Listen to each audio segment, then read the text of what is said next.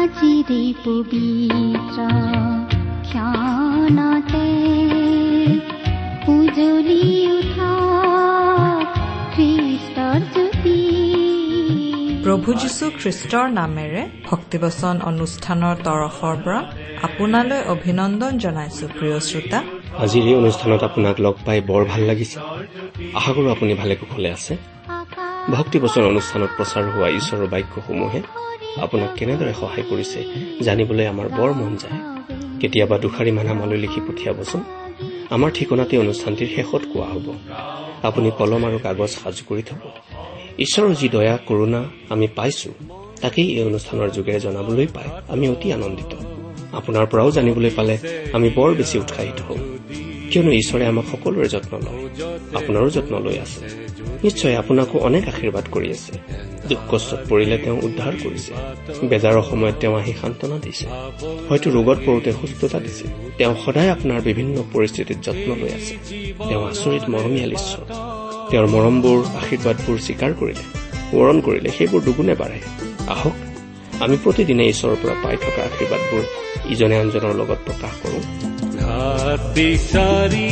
তুমি হে যাত্ৰী খাইছা বাথুৰি ঘাটকে নিচিনি ভটিয়াই বুলিছা অপথক লোলা সাৱতী অপথক লোলা সাৱতী বাটৰ পোহৰ প্ৰভু যিছুহে তেওঁহে জীৱনৰ জ্যোতি। বাট।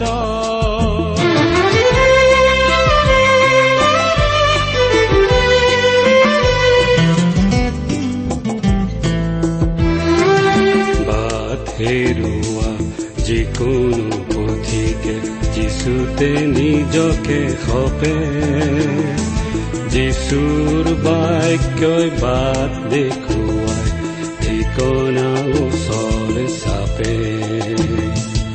জটিল জীৱন শিথিল কৰি যদিহে যিচু দিয়া। শান্তিৰ কুমাৰে শান্তি আনিব জোৰ পৰিব হিয়া। জোৰ পৰিব হিয়া। জনসমুদ্ৰৰ একাকী যাত্ৰাত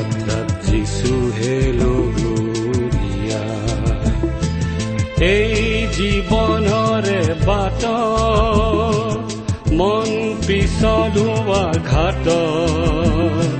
কপিছে হিয়া যদি খোজতে পৰিছে জ্যোতি এন্ধাৰ কেঁকুৰি বাট ভাৱনা এৰিছে মতি। এই জীৱনৰে বাট আমাৰ পৰম পবিত্ৰ প্ৰভু যীশুখ্ৰীষ্টৰ নামত নমস্কাৰ প্ৰিয় শ্ৰোতা। এতিয়া আমি আগবাঢ়িব খুজিছো ঈশ্বৰৰ সুললিত বাক্য বাইবেল শাস্ত্ৰ অধ্যয়ন কৰিবলৈ। আশা কৰো আপুনি আমাৰ এই অনুষ্ঠান নিয়মিতভাৱে শুনি আহিছে। আপুনি যে শুনি আহিছে সেই কথা আমাক জনোৱাৰ মাত্ৰ এটাই উপায় আছে আৰু সেইটো হৈছে হাতত কলম তুলি লৈ এখিলা কাগজত বা এখন পোষ্ট কাৰ্ডত আমালৈ দুষাৰিমান লিখি পঠিওৱা। আজিৰ বাইবেল অধ্যয়ন আৰম্ভ কৰাৰ পূৰ্বে আমাৰ মহান পিতা প্ৰভু পৰমেশ্বৰৰ ওচৰত প্ৰাৰ্থনাত মূৰ্ণত কৰোঁ হওক। হে আমাৰ স্বৰ্গত থকা অসীম দয়ালু পিতৃ ঈশ্বৰ তোমাৰ মহান বাক্য বাইবেল শাস্ত্ৰ অধ্যয়ন কৰিবলৈ তুমি আমাক আকৌ এটা সুযোগ দিয়াৰ কাৰণে তোমাক ধন্যবাদ জনাওঁ। কিন্তু প্ৰভু তুমি বুজাই দিলেহে আমি বুজি পাওঁ তুমি দেখুৱাই দিলেহে আমি দেখোঁ। সেইবাবে আহা পিতা তোমাৰ বাক্য আমাক বুজাই দিয়া তোমাৰ মাত আমাক শুনিবলৈ দিয়া। এই অনুষ্ঠান শুনি থকা আমাৰ মৰমৰ শ্ৰোতাসকলক তুমি বিশেষভাৱে কথা কোৱা। তেওঁলোকৰ জীৱনত তোমাৰ আশীৰ্বাদ প্ৰকাশ পাই উঠিবলৈ দিয়া। কিয়নো এই প্ৰাৰ্থনা ক্ৰুচত আমাৰ হকে নিজৰ অমূল্য তেজ বোৱাই আমাৰ পাপৰ প্ৰায়চিত্ৰ কৰি তৃতীয় দিনা পুনৰ জি উঠি এতিয়া স্বৰ্গত তোমাৰ সোঁহাতে বহি আমাৰ হকে নিবেদন কৰি থকা পৰিত্ৰাতা প্ৰভু যীশুখ্ৰীষ্টৰ নামত অৰ্পণ কৰিলো।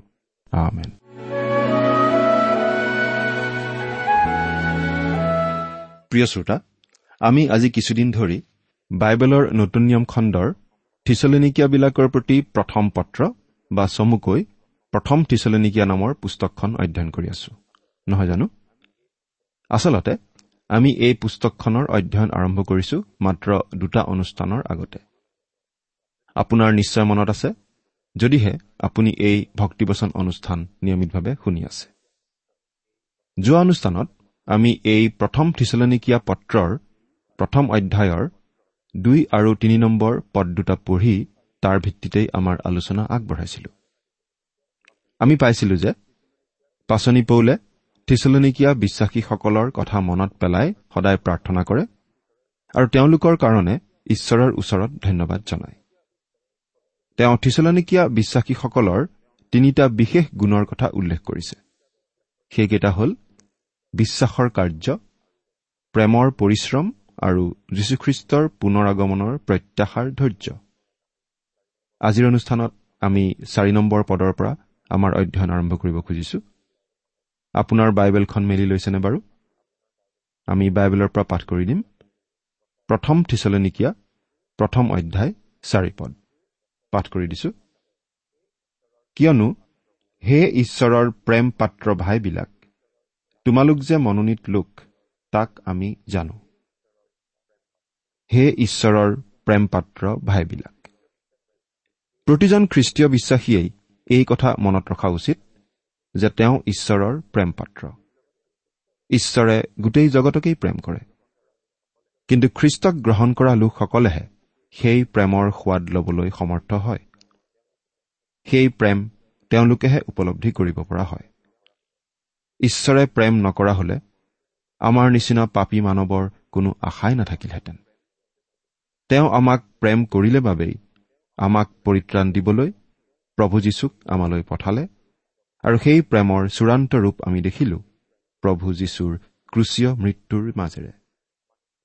প্ৰভু যীশুৱে আমাক উদ্ধাৰ কৰিবলৈকে ক্ৰুচত আপোন প্ৰাণ দি আমাৰ সকলো পাপৰ প্ৰাচিত্য কৰিলে। প্ৰভু যীশুক গ্ৰহণ কৰি ঈশ্বৰৰ সন্তান হোৱা প্ৰতিজন লোকৰ জীৱনত ঈশ্বৰৰ এই প্ৰেম বিশেষভাৱে কাৰ্যকৰী হয়। পাচনি পৌলে থিচলনিকীৰ খ্ৰীষ্টীয় বিশ্বাসীসকলক ভাই বুলি সম্বোধন কৰিছে। প্ৰভু যীশুক গ্ৰহণ কৰাৰ লগে লগে আমি হৈ পৰো ঈশ্বৰৰ সন্তান ঈশ্বৰৰ পৰিয়ালৰ লোক। গতিকে খ্ৰীষ্টীয় বিশ্বাসী লোকসকল একে পৰিয়ালৰ লোক ভাই ভাই। এই কথাটো আমি যদি সততে মনত ৰাখোঁ তেনেহলে আমাৰ মাজৰ বহুতো সমস্যা আঁতৰি গ'লহেঁতেন। আমাৰ মাজৰ সম্বন্ধবোৰ অধিক কটকটীয়া হ'লহেঁতেন যদিহে আমি এই বিশেষ কথাটো মনত ৰাখিলোহেঁতেন। আমি গোটেই পৃথিৱীৰ আটাইবোৰ খ্ৰীষ্টীয় বিশ্বাসীক কেতিয়াও লগ পোৱা নাই। কিন্তু আমি আগতে কেতিয়াও লগ নোপোৱা খ্ৰীষ্টীয় বিশ্বাসী এজনক লগ পালেও তেওঁৰ প্ৰতি বিশেষ এটা ভ্ৰাতৃত্বৰ ভাৱ প্ৰকাশ কৰিব পাৰোঁ স্বতঃস্ফূৰ্তভাৱেই। কাৰণ আমাৰ দৰে তেওঁ ঈশ্বৰৰ সন্তান বুলি আমি জানো। খ্ৰীষ্টীয় বিশ্বাসী লোকসকল ঈশ্বৰৰ সন্তান আৰু ঈশ্বৰৰ সন্তানবোৰ একেটা আম্মিক পৰিয়ালৰ লোক। এই চিন্তাটোৱেই খ্ৰীষ্টীয় বিশ্বাসীসকলৰ মাজত একতাৰ ভাৱ গঢ়ি তোলাৰ বাবে যথেষ্ট নহয়নে বাৰু? এইখিনিতে কিন্তু আৰু এটা কথা আমাৰ মনত থকা উচিত। আমি খ্ৰীষ্টীয় বিশ্বাসীসকল ঈশ্বৰৰ সন্তান আৰু পৰস্পৰে ভাই ভাই। কিন্তু আমি যে খ্ৰীষ্টৰ ভাই সেই কথা প্ৰায়ে মনত নেপেলাওঁ। খ্ৰীষ্ট হৈছে প্ৰথম জাত। আন সকলোবোৰ খ্ৰীষ্টীয় বিশ্বাসী তেওঁৰ অনুজ। যীশুখ্ৰীষ্ট ৰজাৰো ৰজা প্ৰভুৰো প্ৰভু স্বয়ং ঈশ্বৰ। আৰু তেওঁৱেই আমাৰ জ্যেষ্ঠ ভাই। এই কথাটোৱে আমাৰ হৃদয়ত টোলপাৰ লগোৱা উচিত নহয়নে বাৰু? ইয়াতে আমি আন এটা বিষয় পাওঁ। এই বিষয়টো আমি ইফিচিয়া পত্ৰ আলোচনা কৰোঁতে অলপ বহলাই আলোচনা কৰিছিলো। বিষয়টো হৈছে মনোনীতকৰণ। মনোনীতকৰণ ইফিচিয়া পুস্তকত আমি এনেদৰে পঢ়িবলৈ পাইছিলো।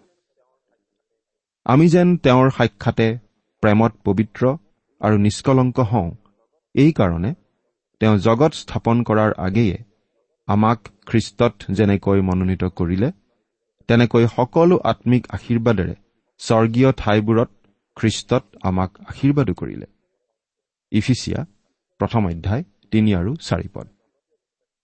ঈশ্বৰে খ্ৰীষ্টীয় বিশ্বাসীসকলক জগত স্থাপনৰ পূৰ্বেই খ্ৰীষ্টত মনোনীত কৰিলে। এই কথাটো কিছুমান লোকে ভালদৰে বুজি নাপায় কিছুমান লোকে কথাটো মানি ল'ব নোখোজে। কিন্তু বাইবেলত যি লিখা আছে আমি তাকেহে কৈছো। বাইবেলত লিখিছে ঈশ্বৰে আমাক জগত স্থাপনৰ পূৰ্বেই মনোনীত কৰিলে। এই কথাটো পাচনি পৌলে ইফিচিয়া বিশ্বাসীসকললৈকো লিখিছিল আৰু এতিয়া থিচলেনিকীয়া বিশ্বাসীসকললৈকো এই কথাটো লিখিছে। এই কথাটো তেওঁ ঈশ্বৰৰ দৃষ্টিকোণেৰে উপস্থাপন কৰিছে। আমি কথাবোৰ নিজৰ দৃষ্টিৰে চাওঁ কিন্তু ঈশ্বৰৰ দৃষ্টিকোণেৰে চাবলৈও শিকিব লাগে। আমি যেতিয়া জ্যামিতি পঢ়ো তেতিয়া বহুতো সূত্ৰ আমি প্ৰমাণ কৰিব পৰা হোৱাৰ আগতেই মানি ল'ব লাগে। আন আন বহুতো বিষয়তে আমি এনে উদাহৰণ দিব পাৰোঁ। কিছুমান কথা আমি প্ৰমাণ কৰি দেখুৱাব নোৱাৰো। ঈশ্বৰে আমাক মনোনীত কৰা কথাটো পাচনি পৌলে প্ৰমাণ কৰি দেখুৱাব খোজা নাই। ইয়াৰ সপক্ষে তেওঁ কোনো যুক্তি দাঙি ধৰাও নাই। কিন্তু এইটো এটা সত্যৰূপেহে তেওঁ কেৱল উল্লেখ কৰিছে। এই কথাটো সত্য বুলি খ্ৰীষ্টীয় বিশ্বাসীসকলে জনা বুলি তেওঁ উল্লেখ কৰিছে। কিয়নো হে ঈশ্বৰৰ প্ৰেম পাত্ৰ ভাইবিলাক তোমালোক যে মনোনীত লোক তাক আমি জানো। এয়ে হৈছে গোটেই বিষয়টোৰ ঈশ্বৰৰ পিনৰ পৰা দেখা ৰূপ। সৃষ্টিকৰ্তা ঈশ্বৰ সাৰ্বভৌম। তেওঁ কাৰো অধীন নহয় কাৰো কথা তেওঁ মানি চলিব নালাগে। তেওঁ যি ইচ্ছা কৰিলে সেইমতেই সৃষ্টি কৰিলে। যি নিয়ম কৰিব খুজিলে তেনেকৈয়ে স্থাপন কৰিলে। তেওঁৰ অধিকাৰ তেওঁৰ সাৰ্বভৌম অধিকাৰ। ঈশ্বৰেই এই বিশ্ব ব্ৰহ্মাণ্ডখন সৃষ্টি কৰিলে। তেওঁ কেনেদৰে সৃষ্টি কৰিলে সেইটো আমাৰ বাবে বেছি মূৰ ঘমাব লগা কথা নহয়। আদি পুস্তকত যি বিৱৰণী আছে তাকে লৈ চুলি ছিঙি থাকিবৰো বেছি প্ৰয়োজন নাই। কিন্তু আমি কেৱল এটা কথা জোৰ দি ক'ব খুজিছো যে আদিতে ঈশ্বৰে আকাশমণ্ডল আৰু পৃথিৱী সৃষ্টি কৰিলে। ঈশ্বৰেই বিশ্ব ব্ৰহ্মাণ্ডখন সৃষ্টি কৰিলে বুলি মানি লোৱা মানুহ বহুত আছে। কিন্তু এই কথাটো মানি লোৱা কোনো কোনো লোকে এই কথাটো পাহৰি যায়। যে এই বিশ্ব ব্ৰহ্মাণ্ডখন নিয়ন্ত্ৰণ কৰাৰ অধিকাৰো ঈশ্বৰৰ আছে। এই সৃষ্টিখনৰ এটা উদ্দেশ্য স্থিৰ কৰাৰ অধিকাৰো ঈশ্বৰৰ আছে। কিন্তু প্ৰিয় শ্ৰোতা এই বিশ্ব ব্ৰহ্মাণ্ডখন ঈশ্বৰে সৃষ্টি কৰিলে আৰু এইখন বৰ্তি আছে ঈশ্বৰৰ গৌৰৱৰ কাৰণে।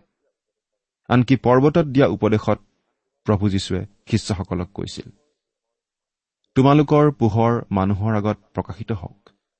তাতে তেওঁলোকে তোমালোকৰ ভাল কৰ্ম দেখি স্বৰ্গত থকা তোমালোকৰ পিতৃৰ স্তুতি কৰিব। মঠিয়ে লিখা শুভবাৰ্তা পাঁচ অধ্যায় ষোল্ল পদ। তেওঁ কোৱা নাছিল তোমালোকে নিজৰ গৌৰৱৰ কাৰণে সৎকৰ্ম কৰা। নাই তেওঁ তেনেদৰে কোৱা নাছিল। তেওঁলোকে স্বৰ্গত থকা পিতৃ ঈশ্বৰকহে গৌৰৱান্বিত কৰিব লাগে বুলি তেওঁ কৈছিল। প্ৰিয় শ্ৰোতা ঈশ্বৰেই এই জগত এই বিশ্ব ব্ৰহ্মাণ্ডখন সৃজিলে আৰু এইখন আছে একমাত্ৰ তেওঁৰ গৌৰৱৰ কাৰণে। তেওঁ ঈশ্বৰ। তেওঁ কাৰো পৰামৰ্শ নলয়। তেওঁৰ নিজৰ মতে এই বিশ্ব ব্ৰহ্মাণ্ডখন তেওঁ চলাই আছে। আকৌ এই কথাও আমি মনত ৰখা উচিত যে ঈশ্বৰ কোনো একনায়কত্ববাদী কুশাসকৰ নিচিনা নহয়। তেওঁ ন্যায়বান তেওঁ পবিত্ৰ। তেওঁ যি কৰে ঠিক কৰে ন্যায় বিচাৰ মতে কৰে। তেওঁ ঠিকমতে সকলো কৰে। তেওঁ যি কৰি আছে তাত যদি আপুনি ভুল ধৰিব গৈছে তেন্তে মনত ৰাখিব ভুলটো আচলতে ঈশ্বৰৰ নহয় ভুল আপোনাৰহে। ঈশ্বৰে নিজৰ খুচিমতে সকলোবোৰ চলাই আছে। আমি তেওঁক প্ৰশ্ন কৰিবৰ কোন? প্ৰিয় শ্ৰোতা আপুনি বাৰু কেতিয়াবা চিন্তা কৰি চাইছেনে যে আপুনি জন্মগ্ৰহণ কৰি মানুহৰূপে এই পৃথিৱীলৈ আহিছে? আপোনাৰ জন্ম নোহোৱা হলে আপোনাৰ কোনো স্থিতিয়েই নাথাকিলেহেঁতেন। ঈশ্বৰে আহি মোক সোধা নাছিল। তুমি জন্ম ল'ব খোজা নেকি? তুমি স্থিতি ল'ব খোজা নেকি? নাই সেইটো সম্ভৱেই নহয়। কাৰণ মোৰ জন্মৰ আগতে মই নাছিলোৱেই। কিন্তু ঈশ্বৰে বিচাৰিলে যে মই জন্ম পাব লাগে। মই বোলা এই মানুহজনৰ জন্ম হ'ব লাগে আৰু সেইবাবেই মই জন্মিলো। আৰু আজি আপোনালোকৰ আগত কথা কৈ থাকিব পাৰিছো। ঈশ্বৰে মোক সোধা নাছিল মই ক'ত জন্মিম কাৰ ঘৰত জন্মিম ইত্যাদি ইত্যাদি। তেওঁ মোক লৈ যি পৰিকল্পনা কৰিলে সেইমতেই মোৰ জন্ম হ'ল। ঠিক এই কথাটোকে আমি মনত ৰখা উচিত। ঈশ্বৰে আমাক প্ৰতিজন খ্ৰীষ্টীয় বিশ্বাসী লোকক জগত স্থাপনৰ পূৰ্বেই মনোনীত কৰিছে। কিন্তু আৰু এটা কথা কাৰো ইচ্ছাৰ বিপৰীতে তেওঁ মনোনীত নকৰে। আৰু কাৰো ইচ্ছাৰ বিপৰীতে তেওঁ পৰিত্যাগো নকৰে। ঈশ্বৰে সকলো ন্যায়সংগতভাৱেই কৰিছে। এৰা ঈশ্বৰে প্ৰতিজন খ্ৰীষ্টীয় বিশ্বাসীকেই জগত স্থাপনৰ পূৰ্বতেই মনোনীত কৰিছে। জগত স্থাপনৰ পূৰ্বতেই। এই কথাটো শুনি কোনোবাই আপত্তি দেখুৱাব পাৰে। কিন্তু আপত্তি কৰি কি লাভ? ঈশ্বৰৰ বিৰুদ্ধে আপত্তি নেদেখুৱাই তেওঁৰ আগত সাষ্টাংগে প্ৰণিপাত কৰি তেওঁতেই আশ্ৰয় লোৱাহে বুদ্ধিমানৰ কাম। নহয় জানো?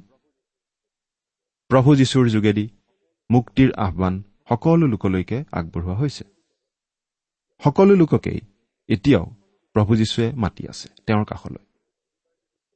কিন্তু কোনোবাই যদি সেই আহ্বানলৈ কেৰেপ নকৰি আপোন পথ লৈ আঁতৰি যায় তাৰ বাবে ঈশ্বৰক দোষ দি লাভ নাই। প্ৰভু যীশুক গ্ৰহণ কৰি পৰিত্ৰাণ লাভ কৰাৰ স্বাধীনতা সকলো লোককে দিয়া হৈছে। এতিয়া পাঁচ নম্বৰ পদটো পাঠ কৰি দিছো। ইয়াত এনেদৰে লিখা আছে কাৰণ আমাৰ শুভবাৰ্তা কেৱল বাক্যেৰে নহয় শক্তি পবিত্ৰ আত্মা আৰু সম্পূৰ্ণ নিশ্চয়তাৰে তোমালোকৰ মাজত উপস্থিত হ'ল। আমি তোমালোকৰ অৰ্থে তোমালোকৰ প্ৰতি কেনে লোক আছিলো তাক তোমালোকেও জানা। পৌলে কৈছে তোমালোকে জানা যে যেতিয়া আমি তোমালোকৰ মাজলৈ আহিছিলো আমি আহিছিলো সাধাৰণ তেজ মঙহৰ মানুহ হিচাপে। আমি মুখেৰে কথা কৈছিলো। কিন্তু আমি কৈছিলো ঈশ্বৰৰ কথা ঈশ্বৰৰ বাক্য। তেনেকৈয়ে ঈশ্বৰৰ বাক্য তোমালোকৰ মাজলৈ আহিল। কিন্তু কেৱল শব্দ হিচাপে নহয় কিন্তু ক্ষমতা আৰু পবিত্ৰ আত্মাৰে পূৰ্ণ হৈহে আহিল। প্ৰিয় শ্ৰোতা আমিও এই অনুষ্ঠানৰ যোগেদি ঈশ্বৰৰ বাক্য বিলাই আছো। কিন্তু এই বাক্য সাধাৰণ বাক্য নহয়। যেতিয়া এই বাক্য পবিত্ৰ আত্মা ঈশ্বৰে ব্যৱহাৰ কৰে তেতিয়া এই বাক্য হৈ পৰে অতি শক্তিশালী। এই বাক্যই অসংখ্য মানুহৰ জীৱনত আমূল পৰিৱৰ্তন আনি দিছে। অসংখ্য লোকে খ্ৰীষ্টত নতুন জীৱন বিচাৰি পাইছে। প্ৰিয় শ্ৰোতা বাইবেল ঈশ্বৰৰ বাক্য। পবিত্ৰ আত্মাই এই বাক্য আপোনাৰ বাবে জীৱন্ত কৰি তুলিব পাৰে। বাইবেলত যিবোৰ কথা লিখা আছে সেই কথাবোৰ ব্যৱহাৰ কৰিয়েই পবিত্ৰ আত্মাই অতি অলৌকিক কাৰ্য সম্পন্ন কৰিব পাৰে।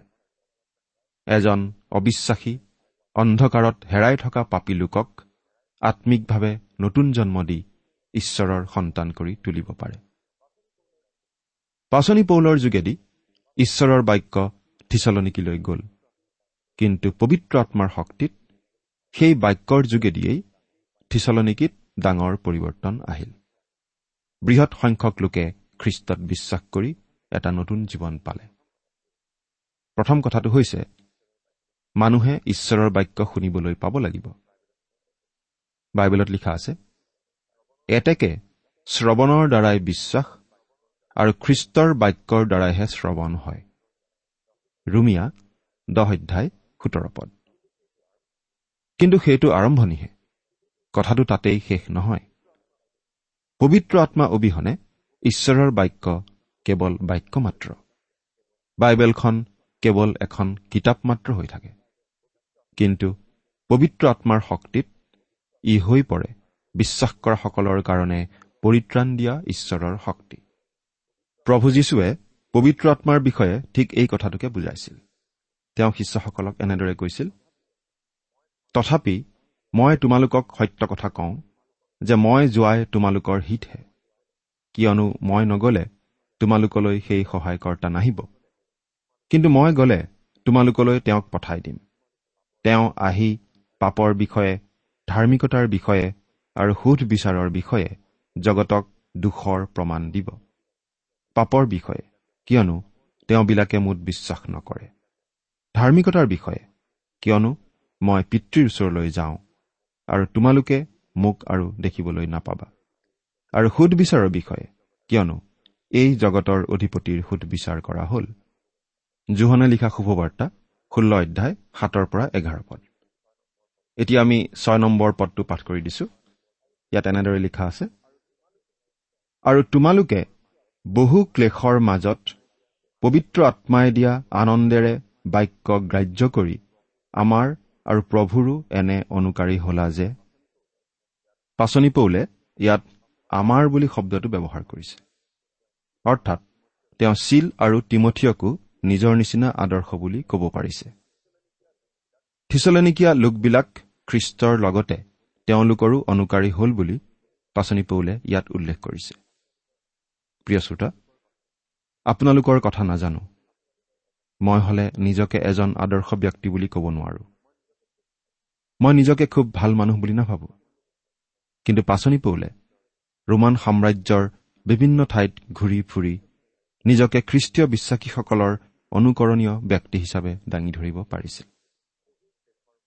বহু ক্লেশৰ মাজত পবিত্ৰ আত্মাই দিয়া আনন্দেৰে বাক্য গ্ৰাহ্য কৰি ক্লেশ আৰু আনন্দ। দুটা সম্পূৰ্ণ বিপৰীত ধৰণৰ অৱস্থা। দুয়োটা একেলগে নাথাকে। আমি দুয়োটা অৱস্থা একেলগে চিন্তা নকৰো। কোনোবাই যদি আনন্দত আছে তেনেহলে তেওঁ ক্লেশত নাই বুলিয়েই আমি বুজো। আৰু কোনোবাই যদি ক্লেশত আছে তেন্তে তেওঁ আনন্দত নাই বুলি আমি স্বাভাৱিকতেই ধৰি লওঁ। কিন্তু আমি জানো প্ৰভু যীশুৰ অনেক বিশ্বাসীয়ে নানা দুখ ক্লেশ যন্ত্ৰণাৰ মাজতো নিজ নিজ অন্তৰত প্ৰভুৰ আনন্দ উপলব্ধি কৰিব পাৰে। আৰু এয়েই হৈছে প্ৰকৃত বিজয়। প্ৰিয় শ্ৰোতা আমি এনেকুৱা নিশ্চয় দেখিছো যে বহু সময়ত ঈশ্বৰে তেওঁৰ অনুগ্ৰহ দেখুৱাই অতি অলৌকিকভাৱে বহুতো মানুহক সুস্থ কৰে। এনেধৰণে অলৌকিকভাৱে সুস্থ হোৱা বহুতো মানুহ আছে। কিন্তু এনেকুৱা বহুতো খ্ৰীষ্টীয় বিশ্বাসীও আছে। প্ৰকৃত বিশ্বাসীও আছে। ঈশ্বৰৰ প্ৰতি ভয় ভক্তি ৰাখি সদায় জীৱন কটাই থকা খ্ৰীষ্টীয় বিশ্বাসীও আছে। যি খ্ৰীষ্টীয় বিশ্বাসীয়ে হয়তো নানা ধৰণৰ ৰোগ যন্ত্ৰণাত পৰি আছে। কোনোবাই হয়তো বিচনাত পৰি কেঁকাই আছে। কোনোবাই হয়তো বহু বছৰ ধৰি তেনেদৰে শয্যাগত হৈয়েই আছে। কিন্তু অতি আচৰিত কথা তেনেদৰে ৰোগ যন্ত্ৰণাত বিচনাত কেঁকাই থকা অৱস্থাটো তেনেকুৱা প্ৰকৃত বিশ্বাসীসকলৰ অন্তৰত আছে। এটা অমূল্য সম্পদ এটা অমূল্য ৰত্ন। সেইটো কি জানেনে বাৰু? সেইটো হৈছে প্ৰভুৰ আনন্দ। আৰু এইটো সঁচাকৈ অতি আচৰিত কথা। যদিও খ্ৰীষ্টীয় বিশ্বাসীসকল তেনেদৰে কোনোজনেই বিচনাত পৰি কেঁকাই থকাটো আমি নিবিচাৰো। তথাপি প্ৰভুৰ ইচ্ছাত প্ৰভুৰ আঁচনিত কেতিয়াবা তেনেকুৱা হ'ব পাৰে। কিন্তু তেনেকুৱা অৱস্থাটো প্ৰকৃত বিশ্বাসীজনে অন্তৰত প্ৰভুৰ আনন্দ উপভোগ কৰে। এই কথাটো জগতে কিন্তু বুজি নাপায়। আৰু এই যি আনন্দ বুজাব নোৱাৰা আনন্দ সেই আনন্দ এই জগতে কিন্তু কেতিয়াও আমাক দিব নোৱাৰে। ইয়াত পাচনি পৌলে এই কথা কৈছে যে থিচলনিকিৰ খ্ৰীষ্টীয় বিশ্বাসী লোকসকলে খ্ৰীষ্টৰ বাক্য গ্ৰহণ কৰিছিল নানা ধৰণৰ দুখ ক্লেশৰ মাজত। নিশ্চয় নানা প্ৰকাৰৰ বাধা ক্লেশ তাৰণা অত্যাচাৰৰ তেওঁলোক সন্মুখীন হ'বলগীয়া হৈছিল। খ্ৰীষ্টৰ বাক্য গ্ৰহণ কৰাৰ বাবে। আৰু এই কথা সঁচা যে পৃথিৱীৰ প্ৰায় সকলো ঠাইতেই এনেকুৱা ঘটে। খ্ৰীষ্টৰ বাক্য গ্ৰহণ কৰাৰ বাবে মানুহে নানা ধৰণৰ বাধাৰ সন্মুখীন হয়। কিন্তু পাচনি পৌলে কৈছে যে থিচলনিকিৰ সেই লোকসকলে তেনেদৰে নানা ধৰণৰ তাৰণাৰ সন্মুখীন হৈছিল ঠিকেই। কিন্তু সেই সকলোবোৰৰ মাজত পবিত্ৰ আত্মাৰ আনন্দও তেওঁলোকৰ আছিল। জগতে বুজাব নোৱাৰা আনন্দ তেওঁলোকৰ লগত আছিল। এতিয়া সাত নম্বৰ পদটো পাঠ কৰি দিম। ইয়াত এনেদৰে লিখা আছে মাকিডনিয়া আৰু আখায়াত থকা সকলো বিশ্বাসী লোকলৈ আৰ্হি হলা। মাকিডনিয়া আৰু আখায়া।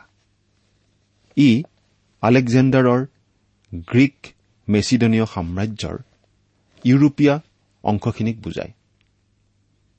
থিচলেনিকিত থকা এই মণ্ডলীটো এটা আদৰ্শ মণ্ডলী হৈ উঠিছিল। অতি কম সময়ৰ ভিতৰতে ওচৰে পাজৰে থকা সকলো মণ্ডলীৰ বাবে তেওঁলোক আদৰ্শমণ্ডলী হৈ উঠিছিল। তেওঁলোকৰ কথা চাৰিওফালে মানুহবোৰে শুনিবলৈ পাইছিল। তেওঁলোকে তেওঁলোকৰ জীৱনৰ যোগেদি যি সাক্ষ্য দিছিল সেই সাক্ষ্য আছিল গৌৰৱময় অপূৰ্ব আৰু মনোমোহা। আজি আমি বহুতো খ্ৰীষ্টিয়ান ব্যক্তিৰ কথা শুনো খুব ভাল আদৰ্শ বিশ্বাসী হিচাপে। কিন্তু মণ্ডলী হিচাপে আদৰ্শ মণ্ডলীৰ কথা আমি খুব কমেই শুনো। এইটো বাৰু চিন্তা কৰিবলগীয়া বিষয় নহয়নে? প্ৰিয় শ্ৰোতা থিচলনিকিত থকা খ্ৰীষ্টীয় বিশ্বাসীসকলে নানান দুখ ক্লেশক নেওচি খ্ৰীষ্টক বিশ্বাস কৰিছিল। তেওঁলোক খ্ৰীষ্টৰ অনুগামী হৈছিল। পৌল আৰু আন আদৰ্শ নেতাৰ অনুকাৰী হৈছিল আৰু তেওঁলোক আদৰ্শ খ্ৰীষ্টীয় মণ্ডলী হিচাপে খ্যাত হৈছিল। অৰ্থাৎ সামূহিকভাৱেও তেওঁলোক আদৰ্শ হৈছিল। এই সকলোখিনি হৈছিল খুব কম সময়ৰ ভিতৰতে। আপোনাক এটা প্ৰশ্ন সুধিব খুজিছো। আপুনি বাৰু প্ৰভু যীশুখ্ৰীষ্টক গ্ৰহণ কৰা কিমান দিন হ'ল? কিমান বছৰ হ'ল? আপোনাৰ বিষয়ে বাৰু একেখিনি কথাকেই ক'ব পৰা যায়নে? এবাৰ চিন্তা কৰি চাওকচোন। ঈশ্বৰ আপোনাৰ সহায় হওক।